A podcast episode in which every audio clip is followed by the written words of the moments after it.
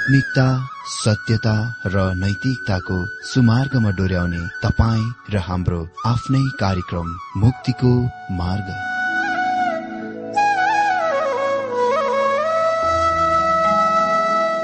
आदरणीय श्रोता यस मुक्तिको मार्ग कार्यक्रममा हार्दिक स्वागत छ। आशा छ यस आत्मिक कार्यक्रमद्वारा जीवनमा आत्मिक आशिष अलौकिक शान्ति र आनन्द प्राप्त गर्नुहुनेछ। र जीवनमा धन्य अनुभव गर्नुहुनेछ। आउनुहोस् श्रोता। मन र आत्माको तयारीको लागि यो मिठो अनि मधुर भजन गीत सुनौ। कसरी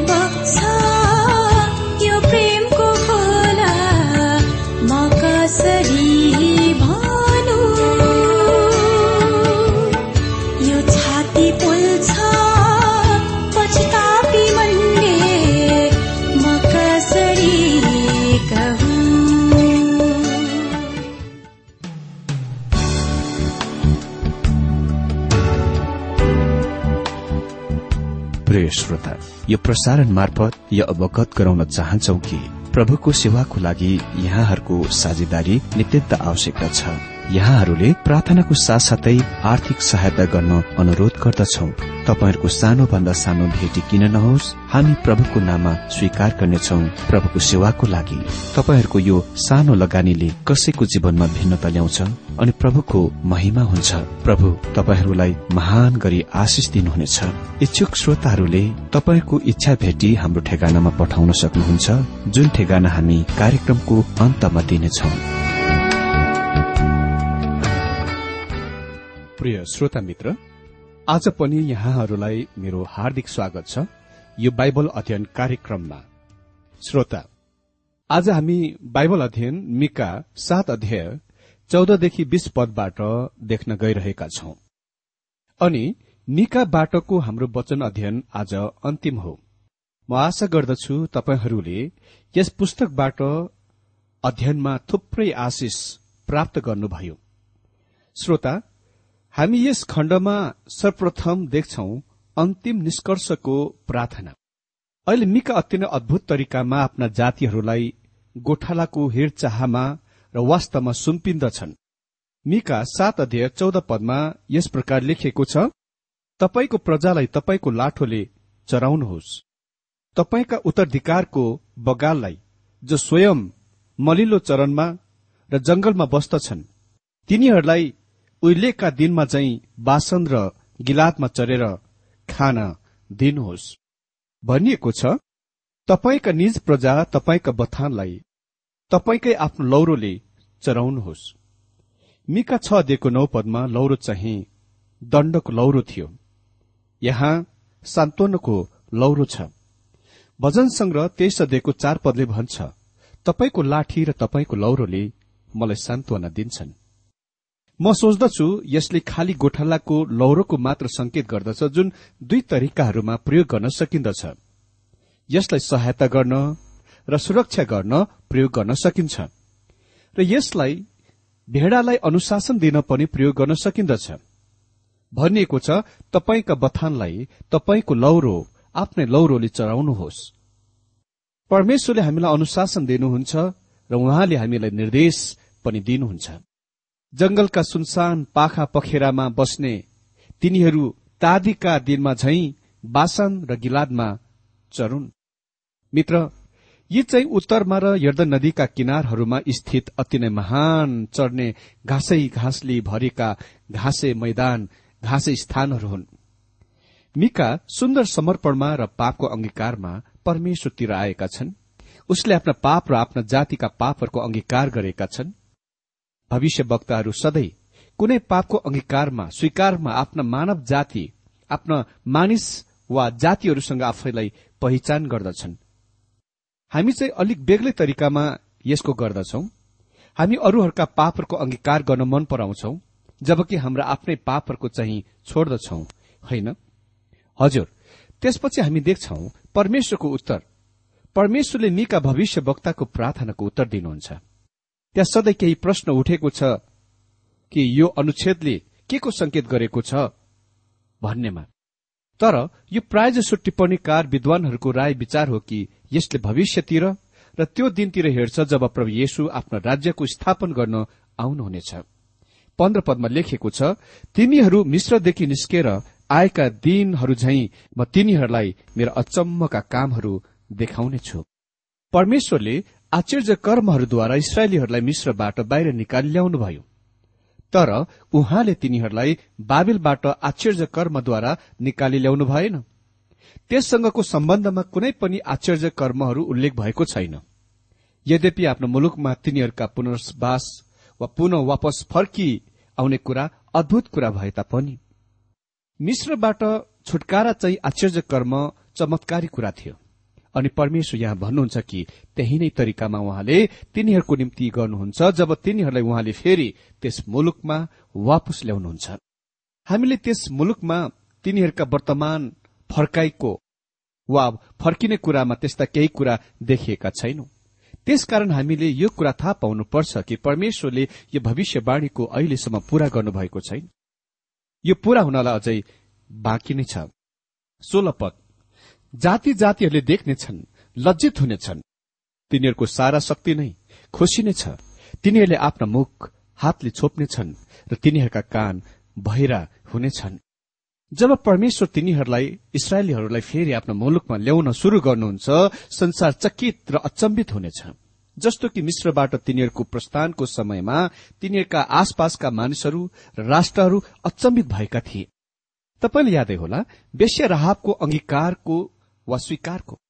यहोसु दुई अध्ययको दश र एघार पदमा हामी पढ्छौ उनले भन्छन् किनकि तपाईँहरू मिश्र देशदेखि निस्किएर आउनुहुँदा तपाईँहरूको सामुने परमेश्वरले लाल समुद्रको पानी सुकाइदिनु भएको र यर्दन पारीका एमोरीहरूको दुवै राजा र सियोन र ओगलाई तपाईँहरूले नाश गर्नुभएको पनि हामीहरूले सुनेका छौं।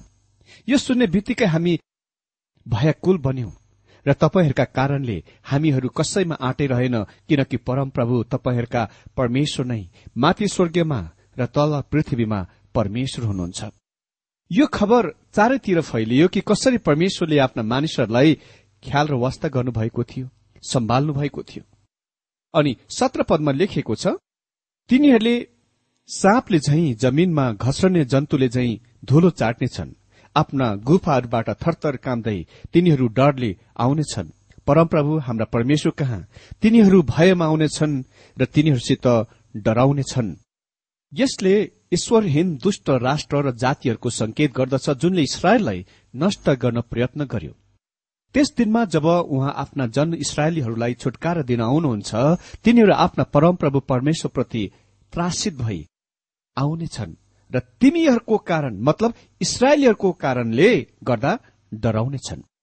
त्यसपछि हामी देख्छौ स्तुति प्रशंसाको जय गीत अठार पदमा लेखेको छ तपाईँ जस्तो परमेश्वर को छ र?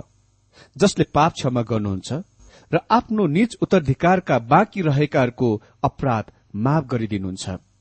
तपाईँ सधैँसम्म रिस गर्नुहुन्न तर कृपा गर्नमा खुशी हुनुहुन्छ। हामी यस पदको बारेमा विवरणसहित केही क्षणपछि छलफल गर्नेछौ। तर मिका आफ्ना कथनलाई निरन्तर जारी राख्नुहुन्छ। परमेश्वर सर्वशक्तिमान दयालु कृपालु अनुग्रही हुनु भएकोले गर्दा यी कुराहरू गर्नुहुनेछ। उन्नाइस र बीस पदमा लेखिएको छ हामीलाई तपाईँले फेरि ठिट्याउनुहुनेछ। तपाईँले हाम्रा पापहरूलाई खुट्टाले कुल्चनुहुनेछ र हाम्रा सबै अधर्म समुद्रको गहिराईमा फालिदिनुहुनेछ। तपाईँ याकुप्रति सत्य रहनुहुनेछ र अब्राहमलाई कृपा देखाउनुहुनेछ जसरी धेरै अघि तपाईँले शपथ खाएर हाम्रा पुर्खाहरूलाई प्रतिज्ञा गर्नुभएको थियो। मित्र इसरायलले वा इसरायलको पापले तिनीहरू अस्थायी रूपमा त्यस मुलुकबाट बाहिर हुन गए। तर परमेश्वरले तिनीहरूका पापहरूको बावजुद उहाँको प्रतिज्ञाहरूको पालन गर्नुहुनेछ पूरा गर्नुहुनेछ। मित्र तिनीहरूका पापले परमेश्वरको प्रतिज्ञा वा शपथहरूलाई र यी मानिसहरूसँग परमेश्वरको करारलाई रद्द गर्दैन खारेज गर्दैन। जस्तो कि परमेश्वरका सन्तानले पाप गर्दा उसले आफ्नो उद्धार गुमाउँदैन। उसका पापको मतलब हो यदि उसले यसको प्रस्ताव गरेन भने उहाँले उसलाई मजाको छडी लगाउनुहुनेछ कोर्रा लगाउनुहुनेछ र त्यस कुराको ठिकठाक गर्नुहुनेछ। तर उनी परमेश्वरका फर्किआउँछन् भने परमेश्वरले उसलाई दयापूर्वक क्षमा गर्नुहुन्छ। ओडौ पत्रले छडी पाएनन् जब उनी टाढाको देशबाट आफ्नो पिताको घरमा वापस फर्किआए। उसले त्यहाँ नै टाढाको देशमा नै काफी छडी र कोर्रा पाइसकेका थिए।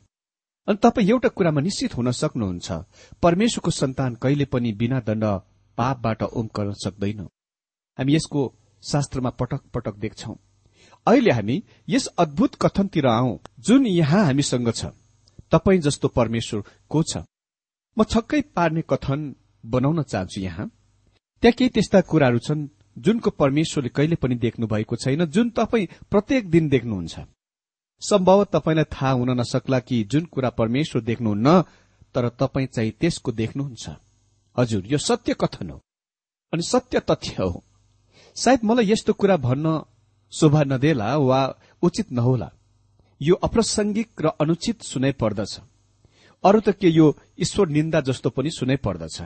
वा तपाईँले यस्तो लाग्ला म हँसी मजा गरिरहेको छु। तर मित्र म तपाईँलाई त्यो निश्चय दिलाउन चाहन्छु कि यो विवेकी चेतनीय र शास्त्रीय उत्तर सहितको गम्भीर र मर्यादायुक्त विषय हो। भविष्यवक्त यहाँ गम्भीर गहिरो प्रश्न सोध्छन् तपाईँ जस्तो परमेश्वर को छ? अनि यसले सोचनीय उत्तरको माग गर्दछ। मित्र शास्त्रमा यस्तो प्रश्न सोधेको यो पहिलो पल्ट होइन। यो प्रश्न लाल समुद्र तरेपछि इसरायलीहरूले गाएको अद्भुत गीतमा सोधिएको छ। प्रस्थान पन्ध्र दिएको एघार पदमा हामी पढ्छौ हे परम प्रभु देवताहरूमा तपाईँ झै को छ र? पवित्रतामा अति महान प्रतापी कार्यहरूमा भय योग्य र उदेकका कर्म गर्नुहुने तपाईँ झै को छ र? यी मानिसहरू भर्खरै मात्र मिश्रबाट निस्किआएका छन्। जहाँ त्यहाँ धेरै देव देवताहरू थिए र धेरै देव देवताहरूको पूजा गरिन्थे। त्यसपछि चालिस वर्षको उजाड स्थान यात्रामा मोसाले भने व्यवस्था तेत्तीस अध्ययको छब्बीस र सत्ताइस पदमा ए यसरुन परमेश्वर जस्तो कोही छैन जो तेरो सहायताको लागि आकाशमाथि सवारी हुनुहुन्छ। आकाशमा आफ्नो प्रतापमा अनन्तको परमेश्वर तेरा वासस्थान हुनुहुन्छ। त्यसपछि फेरि यो प्रश्नलाई सुलेमानद्वारा सोधियो। पहिलो राजा आठको तेज पदमा हे इसरायलका परमेश्वर आफ्नो दासहरूसँग आफ्नो करार पूरा गर्ने र आफ्नो हृदय र प्राणले निरन्तर तपाईँप्रति विश्वासी भइरहनेहरूलाई दृढ प्रेम देखाउनु हुनेमाथि स्वर्गीय र तल पृथ्वीमा तपाईँ जस्तै अरू कुनै ईश्वर छैन। अनि भजनकार भन्छन् भजन संग्रह एक सौ तेह्रको पाँच र छ पदमा हाम्रा परमेश्वर परमप्रभु जस्तो को छ? उहाँ त उच्च स्थानमा विराजमान हुनुभएको छ। र आकाश र पृथ्वीका कुराहरूमा नजर गर्नलाई निहुनुहुन्छ यो प्रश्न प्रस्थान व्यवस्था राजा र भजनहरू र अन्य अनुच्छेदहरूमा सोधिएका छन् जुनको मैले पढेको छैन। अहिले हामी यसको उत्तर दिन्छौ। मित्र मैले शुरूमा यो कथन बनाएथे परमेश्वरले केही कुरा चाहिँ देख्नु भएको छैन जुन हामी प्रत्येक दिन देख्छौ। त्यो कुन कुरा हो परमेश्वरले देख्नु भएको छैन त? मेरो मित्र परमेश्वरले आफ्नो बराबरीको आफ्नो समानताको देख्नु भएको छैन। तपाईँ जस्तो परमेश्वर को छ। परमेश्वरले कहिले पनि आफ्नो बराबरीको कोहीलाई देख्नु भएको छैन।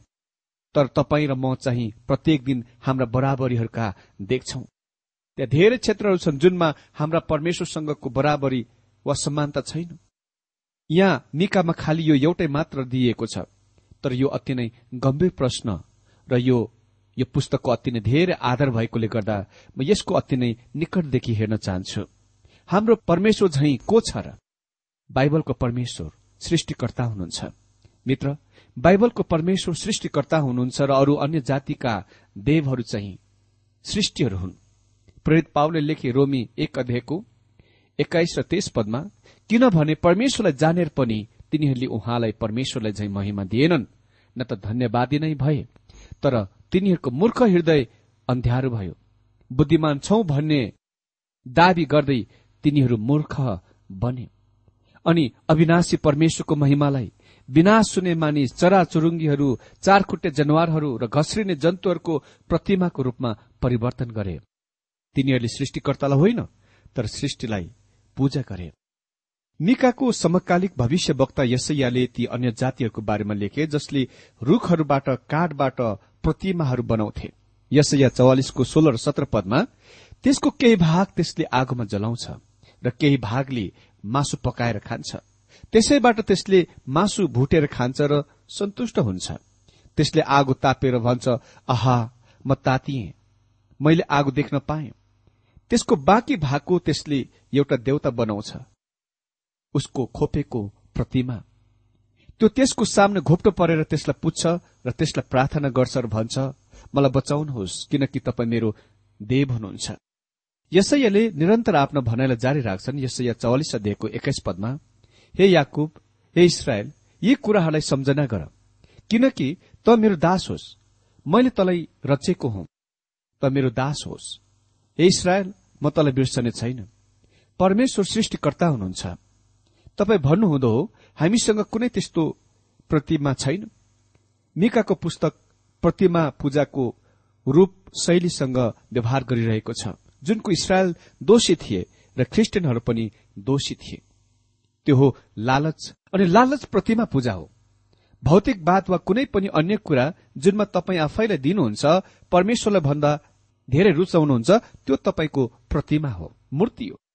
त्यो कुरा जुनले तपाईँको समय लिन्छ तपाईँको पैसा लिन्छ त्यो तपाईँको देव हो। यो सुख भोग हुन सक्छ यो यौन क्रिया हुन सक्छ यो पैसा हुन सक्छ जुनसुकै कुरामा तपाईँ आफैले दिइरहनु भएको छ त्यो तपाईँको देव हो। चाहे तपाईँ जुनसुकै मण्डलीको हुनुहुन्छ जुन कुरामा तपाईँ आफैलाई दिइरहनु भएको छ त्यो तपाईँको देव हो। यो व्यङ्ग्यात्मक कथनसँग परमेश्वरले यसियाद्वारा प्रश्न सोध्नुहुन्छ यसैया छ्यालिसको पाँच तिमीहरू मलाई कोसँग तुलना गर्नेछौ र कसको बराबरी तुल्याउँछौ? कि को जस्तो हुनलाई त्यससित मलाई मिलान गर्छौ? वा सृष्टिकर्ता हुनुहुन्छ? तपाईँ उहाँको तस्विर बनाउन सक्नुहुन्न। यसैया छ्यालिसको छ सात पदमा पढ्छौ थैलाबाट सुन झिकेर काँटामा चाँदी जोख्नेहरूले एउटा सुनारलाई ज्यालामा लगाएर त्यसबाट देउता बनाउँछन्। तिनीहरू त्यसको सामने घोप्टो पर्छन् र त्यसलाई पुच्छन्। तिनीहरू त्यसलाई कानमा हालेर बोकेर लैजान्छन्। प्रश्न यो हो के तपाईँको धर्मले तपाईँलाई बोक्छ या तपाईँ त्यसलाई आफ्नो धर्मलाई बोकिरहनु भएको छ? अरू त के धेरै विश्वासीहरूले मलाई भन्छन् ओ म ख्रिस्टियन कामलाई अति नै पट्टै लाग्दो भएको भेटाउँछु। यो कठिन छ। यदि तपाईँ त्यसलाई त्यस तरिकामा भेटाउनु भए म तपाईँलाई सल्लाह दिन्छु तपाईँले गरिरहनु भएको कुनै पनि ख्रिस्टियन सेवा वा कामलाई छोड्नुहोस्। यदि यो तपाईँलाई बोझ र भार भइरहेको छ तपाईँले त्यो काम गरेको उहाँ चाहनुहुन्न। उहाँ चाहनुहुन्न कि त्यस्तो वा त्यसको तपाईँले आफ्नो काममा बोकेर हिँडेको बरु उहाँ तपाईँलाई बोक्न चाहनुहुन्छ। उहाँले आफ्ना साना बच्चाहरूलाई बोक्न चाहनुहुन्छ। आफ्ना सारा नानीहरूलाई बोक्न चाहनुहुन्छ। कसैले मलाई केही दिन पहिले भनेथे किन तपाईँ अब आफ्नो सेविकैदेखि अवकाश लिनुहुन्न? तपाईँ धेरै वर्षदेखि सेवामा हुनुहुन्छ। र किन अरू काम गर्नुहुन्न? मित्र यो मेरो जीवनको इच्छा हो कि जबसम्म म यो संसारमा रहला तबसम्म निरन्तर उहाँको सेवा गरिरहनेछु। चाहे जीवनमा जस्तो सुकै परिस्थिति किन नहोस्। उहाँले मलाई धेरै लामो समयदेखि बोकिरहनु भएको छ। यद्यपि मलाई लाग्छ म उहाँको निम्ति भारी वजन भए तापनि यसरी परमेश्वर अद्वितीय हुनुहुन्छ। उहाँ सृष्टिकर्ता हुनुहुन्छ र उहाँले हामीलाई बोक्नुहुन्छ। उहाँ सृष्टिकर्ता हुनुहुन्छ। दोस्रो कुरा बाइबलको परमेश्वर पवित्र र धर्मी हुनुहुन्छ। मित्र यो नै कुनै त्यस्तो कुरो हो जुन यो सानो पुस्तक निकामा र सबै छैसठी पुस्तकहरूमा अति नै धेरै महत्वपूर्ण छ। परमेश्वर पवित्र र धर्मी परमेश्वर हुनुहुन्छ। उहाँ भयानक डरलाग्दो क्रूर क्रोधित क्रूप आकृतिको परमेश्वर हुनुहुन्न जस्तो कि हामी अन्य जाति प्रतिमाहरूमा धेरैपल्ट देख्ने गर्छौं। ओ यो परमेश्वरको सम्बन्धमा कति अद्भुत कथन हो। तपाईँले कहिले यो कुराको ध्यान दिनुभएको छ? शास्त्रमा हामी पवित्रताको सुन्दरताको पढ्छौं। मित्र हाम्रो परमेश्वर सुन्दर हुनुहुन्छ। उहाँले आफ्ना मानिसहरूलाई भन्नुभएको कुरा याद राख्नुहोस्। भजन सङ्ग्र पचास अध्ययको एक्काइस पदमा तैले मलाई त जस्तै हो भनी ठानिस। वा भन्नुहुन्छ म त जस्तै छुइन। त पापी होस्। हजुर त अति नै निच घटिया कुरा गर्छस् तर म पवित्र हुँ र म धर्मी छु। यसैया अन्ठाउन्न अध्ययको आठ पदमा परमेश्वर भन्नुहुन्छ किनकि मेरा विचारहरू तिमीहरूका विचार होइनन्। तिमीहरूका चाल मेरा चाल होइनन्। परमेश्वर पवित्र हुनुहुन्छ र उहाँ भन्नुहुन्छ वा पापको घृणा गर्नुहुन्छ। उहाँ पापसँग रिसाउनुहुन्छ अनि परमेश्वरको क्रोध पापको विरूद्ध प्रकट हुनै पर्छ। त्यही नै कारण दण्ड आउनै पर्छ। यसबाट कोही पनि बस्न सक्दैन। परमेश्वरको दण्ड कुनै त्यस्तो कुरा हो जुन निश्चय नै हुन आउनेछ। त्यसकारण हामी पापसँग खेल खेलि नरहौं ईश्वरहीन राष्ट्र जुनले परमेश्वरलाई इन्कार गर्दछ परिणाम भोग्नै पर्छ। हामीले यो थाहा गर्नै पर्छ कि व्यक्ति विशेषको रूपमा तपाईँ र म पापी हौ र परमेश्वर कहाँ आउनै पर्छ। यो नै परमेश्वरसँग नम्रतासँग हिँड्नु भनेको हो। तपाईँ उहाँ कहाँ? तपाईँले गर्नुभएका कामहरूको बारेमा गर्व गर्दै आउनु हुँदैन तपाईँ उहाँ कहाँ? पापहरूको स्वीकार वा अंगीकार गर्दै आउनुपर्छ। म पापी हुँ र मलाई तपाईँको उद्धारको आवश्यकता छ। तपाईँले उहाँको उद्धारको ग्रहण गर्नै पर्छ। यो कुराको थाहा गर्दै कि तपाईँ आफ्नै धार्मिकतामा स्वर्गीय जान सक्नुहुन्न। एघारौं शताब्दीको एन्सेलम भन्ने एक महान दार्शनिकले लेखे म स्वर्गीयमा पापसँग जान भन्दा बरू नर्कमा पाप रहित जानेछु। यो महान कथन हो। यसले तपाईँलाई कम्पाउँछ अनि आज हामीलाई यस प्रकारको कठोर कथनको सुन्न आवश्यक छ। तेस्रो बाइबलको परमेश्वरले अधर्महरूको क्षमा दिनुहुन्छ र दया गर्न रुचाउनुहुन्छ भनिएको छ अठार पदमा तपाईँ जस्तो परमेश्वर को छ र जसले पाप क्षमा गर्नुहुन्छ र आफ्नो निज उत्तराधिकारका बाँकी रहेकाहरूको अपराध माफ गरिदिनुहुन्छ? तपाईँ सधैँसम्म रिस गर्नुहुन्न तर कृपा गर्नमा खुशी हुनुहुन्छ। यहाँ नै हाम्रो परमेश्वर अद्भुत तरिकाले बेग्लै हुनुहुन्छ। उहाँसँग यहाँ बराबरको कोही छैन। प्रस्थान पन्ध्रदेखि एघार पदमा लेखिएको छ हे परमप्रभु देवताहरूमा तपाईँ जस्तो को छ र? पवित्रतामा अति नै महान प्रतापी कार्यहरूमा भय योग्य र उदेकका कर्म गर्नुहुने तपाईँ झै को छ र? कुन चाहिँ केही ती उदेकका कामहरू उहाँ गर्नुहुन्छ? प्रस्थान तेत्तीस अध्ययको अठार उन्नाइस पदमा लेखिएको छ मोसाले भने बिन्ती छ मलाई तपाईँको महिमा देखाउनुहोस्। उहाँले भन्नुभयो म तेरै सामने परमप्रभु नौको घोषणा गर्नेछु। जसलाई म अनुग्रह गर्न चाहन्छु त्यसलाई म अनुग्रह गर्नेछु। जसलाई म कृपा देखाउन चाहन्छु त्यसलाई म कृपा देखाउनेछु। परमेश्वरले भन्नुभयो मोसा म यो तिम्रो निम्ति यस कारणले गर्न गइरहेको छैन किनभने तिमी मोसा हौ र मेरा जनहरूका अगुवा हौ। अह। तर म यस कारणले यो गर्न गइरहेको छु किनभने म दयालु अनुग्रही छु। र किनभने म दया देखाउँछु र म यो हरेकको लागि गर्नेछु। तपाईँले गर्नुपर्ने काम नै बस उहाँका आएर उहाँको कृपा दया कृपाको दावी गर्नु हो उहाँ अति नै भला हुनुहुन्छ र उहाँ जस्तो अरू कोही छैन फेरि हामी प्रस्थान चौतिस सध्यको पाँचदेखि सात पदमा पढ्छौं अनि परमप्रभु बादलमा ओर्लनु भयो र तिनीसँग त्यहाँ खड़ा हुनु भएर परमप्रभुले आफ्नो नाउँको प्रकाश गर्नुभयो। त्यसपछि परमप्रभु तिनको सामनेबाट गएर यसो भनी घोषणा गर्नुभयो परमप्रभु नै ठिटाउनमा भरिपूर्ण र दयालु परमेश्वर र रिस गर्नमा ढिलो र कृपा र सत्यतामा प्रशस्त हुनुहुन्छ। हजारौं हजारौंमाथि कृपा देखाउनुहुने दुष्टता र अपराध र पापहरूलाई क्षमा गर्नुहुने र दोषीलाई कुनै किसिमले पनि निर्दोष नठहराउनुहुने पिता पुर्खाको दुष्टताको दण्ड तिनीहरूका छोराछोरीहरू नाति पनाति र तेस्रो र चौथो पुस्तासम्म दिनुहुने हुनुहुन्छ। मेरो मित्र वा कति अद्भुत हुनुहुन्छ। परमेश्वरले दोषीलाई निर्दोष ठहराउनुहुन्न। गलत गलत हो। अनि स्वर्गीयका सारा स्वर्गीय दूतहरूले अलिकति पनि यसको परिवर्तन गर्न सक्दैनन्। तर परमेश्वरले पापीलाई क्षमा दिनुहुन्छ र दोषहरूको हटाइदिन सक्नुहुन्छ। किनभने उहाँ पवित्रताको अनि ख्रिष्टको उहाँको पवित्रता ख्रिष्टको प्रतिष्ठापक मृत्युद्वारा सन्तुष्ट गरिएको छ पूरा गरिएको छ। परमेश्वरले क्षमाको शास्त्रमा धेरै वाक्य अलंकारिक भाषामा प्रस्तुत गर्नुभएको छ। म ती केहीको उल्लेख गर्न चाहन्छु। उहाँको क्षमा ऋण चुक्ता गरिएको जस्तै हो। यसै त्रितालिसको पच्चिस पदमा भन्नुहुन्छ म उही हुँ जसले तेरा अपराधहरूलाई मेरै खातिर मेटिदिन्छु र म तेरा पापहरूलाई सम्झने छैन पत्रुसले प्रेरित तीन अध्ययको उन्नाइस पदमा भने यसकारण तपाईँहरूका पापहरू मेटिनको लागि प्रस्ताव गर्नुहोस् र फर्कनुहोस्। उहाँको खातामा मूल बहीमा म ऋणमा छु। किनभने त्यहाँ यो लेखिएको छ रोमी छको तेइस पदमा पापको ज्याला मृत्यु हो। अनि पहिलो कुरन्ती पन्ध्र दिएको बाइस पदमा आदामा सबै मर्छन्।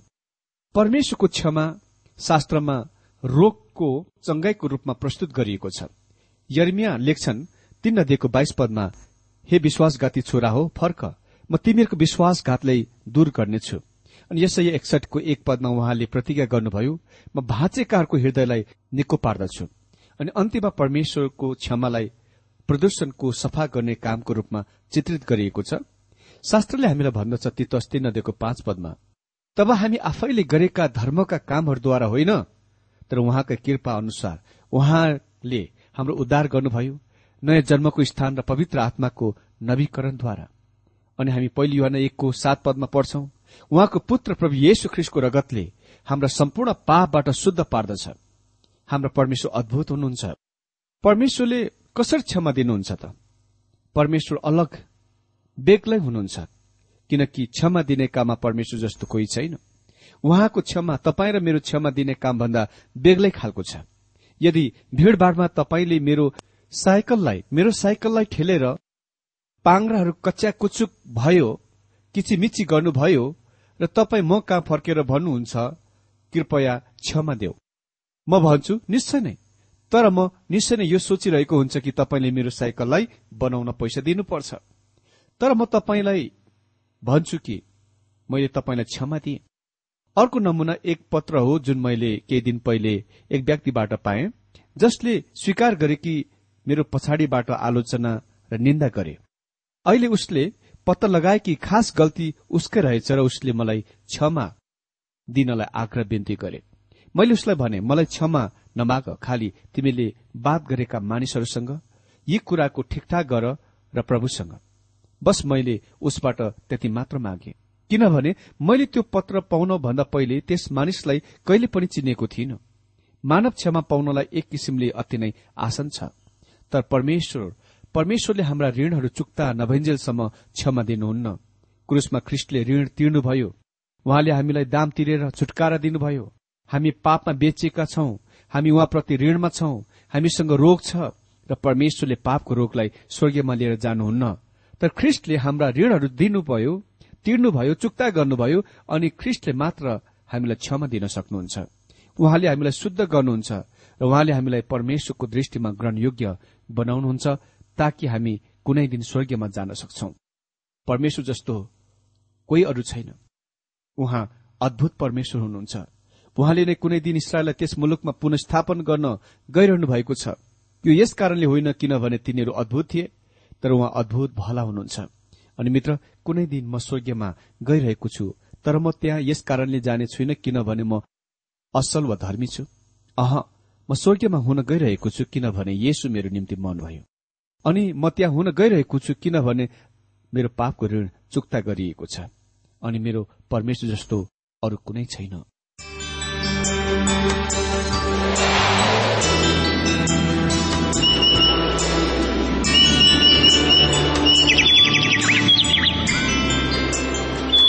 प्रिय श्रोता अहिले भर्खरै तपाईँले टीडब्ल्यूआर नेपालद्वारा सञ्चालित आत्मिक कार्यक्रम मुक्तिको मार्ग सुनिरहनु भएको थियो। श्रोता आजको यो कार्यक्रम सुनेर तपाईँलाई कस्तो लाग्यो? यदि यो कार्यक्रम सुनेर मनमा कुनै खुल्दुली वा कुनै प्रतिक्रिया अर्थात सुझावहरू छन् भने हामीलाई पत्रद्वारा लेख्न सक्नुहुनेछ। हामी हृदयदेखि नै स्वागत गर्नेछौ स्वीकार गर्नेछौ साथै बाइबल सम्बन्धित प्रचारहरू कार्यक्रम सारणीहरू हामी अनुरोधमा पठाउन सक्छौ। अनि तपाईँसँग कुनै प्रार्थनाको विषय छन् भने हामीले तपाईँको लागि प्रार्थना गरेको चाहनुहुन्छ। भने प्रभुमा आफ्नै परिवार सम्झेर हामीलाई पत्रमा लेख्न सक्नुहुनेछ। तपाईँको लागि हामी प्रभु येशुसँग प्रार्थना गर्नेछौ। अधिक जानकारी र पत्रचारको लागि हाम्रो ठेगाना यस प्रकार छ। कार्यक्रम मुक्तिको मार्ग जीपीओ नम्बर उनानब्बे पचहत्तर एपीसी पच्चिस एकसठी काठमाडौँ। ठेगाना एकपल्ट सुन्नुहोला। कार्यक्रम मुक्तिको मार्ग जीपीओ नम्बर उनानब्बे पचहत्तर एपीसी पच्चिस एकसठी काठमाडौँ। हाम्रो इमेल एड्रेस हो TWR Nepal at Yahoo dot com. साथै यस नम्बरमा एसएमएस गर्न सक्नुहुनेछ। अन्ठानब्बे चार सत्तरी पैतिस छ सय उनासी नौ आठ चार सात जिरो तीन पाँच छ सात नौ। हुन्छ श्रोता आजलाई हामी विदा चाहन्छौ। अर्को कार्यक्रममा हामी पुनः भेट्नेछौ तबसम्मलाई नमस्कार।